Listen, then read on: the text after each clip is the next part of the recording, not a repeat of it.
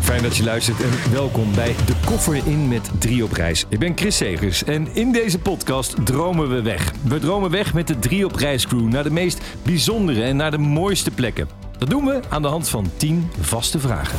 Waar moet je in Colombia echt niet mee aankomen? Oh nee, nee, nee, maar ik ga niet dansen, want ik heb geen ritme. Je moet, iedereen danst. Zij, zij danst nog op. eh, Op de pieptoon van eh, de wagen die achteruit rijdt. Vertel in 15 seconden waarom iemand naar Oezbekistan moet gaan. eh, dat je leeft in natuur. Punt. Ik wist dus niet dat je kon surfen in Taiwan. De golven zijn daar echt gigantisch. Als je nou eh, de rest van je leven één anekdote van deze reis zou mogen vertellen. Dus hij heeft gewoon de helft van zijn tand verloren in de Colombiaanse jungle. Overal zaten kinderen verstopt in keukenkastjes. En ik voel dus inderdaad een kakkerlak mijn mond inlopen. En ik